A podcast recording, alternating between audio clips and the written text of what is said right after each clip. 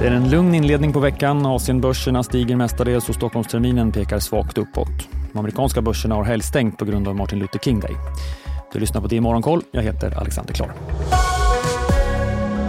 Ja, vi börjar i Asien där det är stigande börser på flera håll. Hongkongbörsen som är upp drygt en halv procent når sin högsta notering på ett halvår.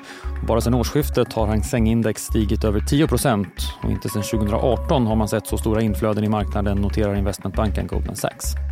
Det var ju så sent som förra månaden som Kina övergav sin strikta nolltolerans mot covid-19 och lättade på landets restriktioner. Imorgon tisdag får vi BNP-statistik från Kina för det avslutande fjärde kvartalet som väntas visa på den sämsta årliga tillväxten sedan 2020. Under helgen så räknar också Kina upp antalet covid-relaterade dödsfall med nästan 60 000 sedan restriktionerna släpptes.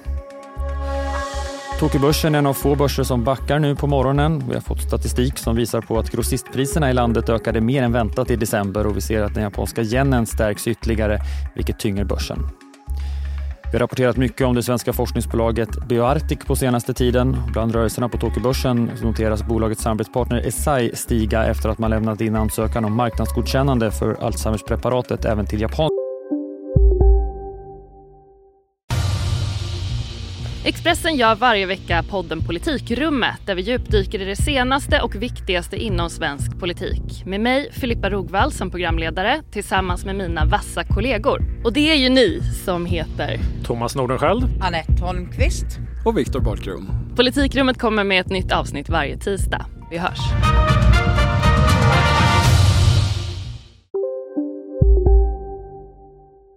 myndigheter. Och precis som inlämnandet till europeiska myndigheter i förra veckan så kommer Bioarctic få en så kallad milstolpebetalning på 5 miljoner euro. Och på tal om valuta så fortsätter kryptovalutan bitcoin att stiga och handlas nu återigen över 21 000 dollar. Hittills i år har priset stigit med 30 procent.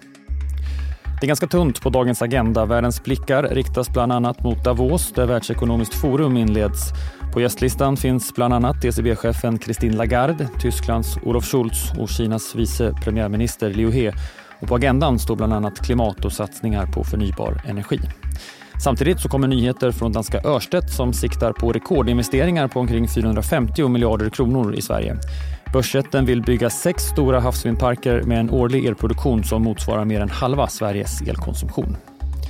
Senare i veckan skiftar fokus mot rapportperioden. De första amerikanska bankerna rapporterade redan innan helgen och imorgon får vi ytterligare en handfull amerikanska rapporter. Den svenska rapportperioden kommer igång i slutet av veckan. Det var allt för dagens Morgonkoll. Följ oss för alla de senaste nyheterna och missa inte Börsmorgon med start kvart i nio i DI-TV. Programmet släpps också som podd. Jag heter Alexander Klar.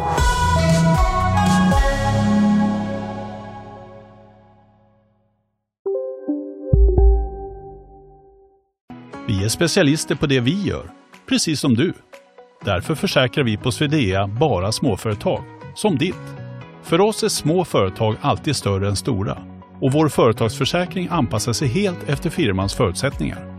Gå in på swedea.se företag och jämför själv. Hej, Ulf Kristersson här. På många sätt är det en mörk tid vi lever i. Men nu tar vi ett stort steg för att göra Sverige till en tryggare och säkrare plats. Sverige är nu medlem i Nato. En för alla, alla för en.